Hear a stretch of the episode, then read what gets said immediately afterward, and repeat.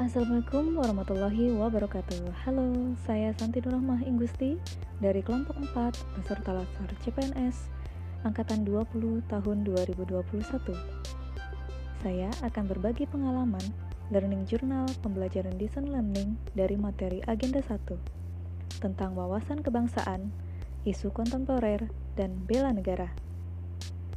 Pengalaman belajar secara distant learning secara asinkronus dan sinkronus. Agenda 1.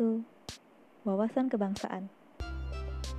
Wawasan kebangsaan adalah cara pandang bangsa Indonesia dalam rangka mengelola kehidupan berbangsa dan bernegara yang dilandasi oleh jati diri bangsa yang bersumber dari Pancasila, Undang-Undang Dasar 1945, NKRI, dan Bhinneka Tunggal Ika.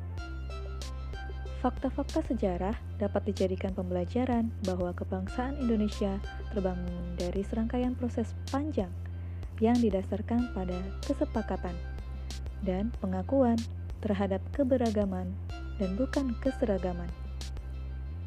Kesepakatan ini menghasilkan empat konsensus dasar serta bendera, bangsa, dan lambang negara serta lagu kebangsaan Indonesia sebagai alat pemersatu identitas, kehormatan, dan kebanggaan bangsa.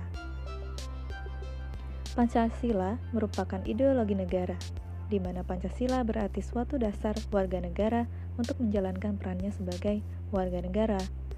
Nah, dari Pancasila ini akan menghasilkan Undang-Undang Dasar 1945 yang menjadi regulasi agar tidak sewenang-wenang dalam melakukan hal.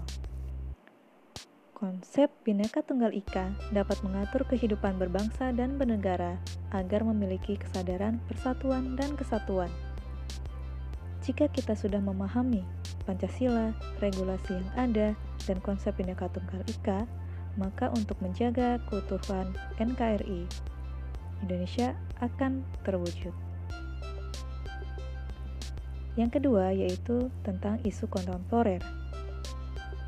Pengertian dari isu kontemporer adalah suatu pokok persoalan yang terjadi pada masa sekarang atau menjadi trending topik pada saat ini, seperti korupsi, COVID-19, narkoba, terorisme, cybercrime, hate speech, hoax, proxy war, money laundry, dan lain sebagainya.